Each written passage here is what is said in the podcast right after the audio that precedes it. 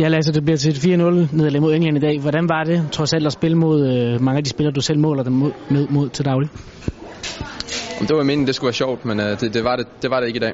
Det var en overmatchning på, øh, på ret mange niveauer, og det var ikke, øh, jeg vil ikke sige, just sige, at det var sjovt at være en del af, men, øh, men det er klart, at, at situationen er, hvad den er nu, og øh, vi må tage det med, vi kan. Og øh, i dag bliver det så, at vi ved, hvad der skal til for at komme op på det niveau, og det kan man jo sige, det er en, det er en positiv ting, men, øh, men det kan man nok først se det positive i om et par dage.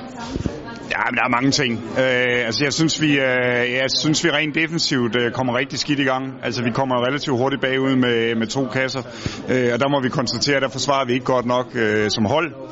Øh, og så bliver det lidt op ad bakke for os. Øh, så jeg vil sige helt generelt omkring kampen, at så rammer vi jo ikke det øh, topniveau, som vi skal ramme for at kunne være med mod det allerbedste. Det synes jeg, vi gjorde for nogle dage siden mod Spanien. Øh, jeg synes, vi gjorde det tilbage i november mod Italien, men, øh, men vi, skal, vi skal ramme et højere niveau, end vi gør i dag, så den over hele linjen. De straffer os benhårdt på, på de fejl, vi laver i vores, vores, øh, vores restforsvar og i, i vores forsvar generelt. Øh, hvis du giver dygtige spillere tid og plads, så straffer de.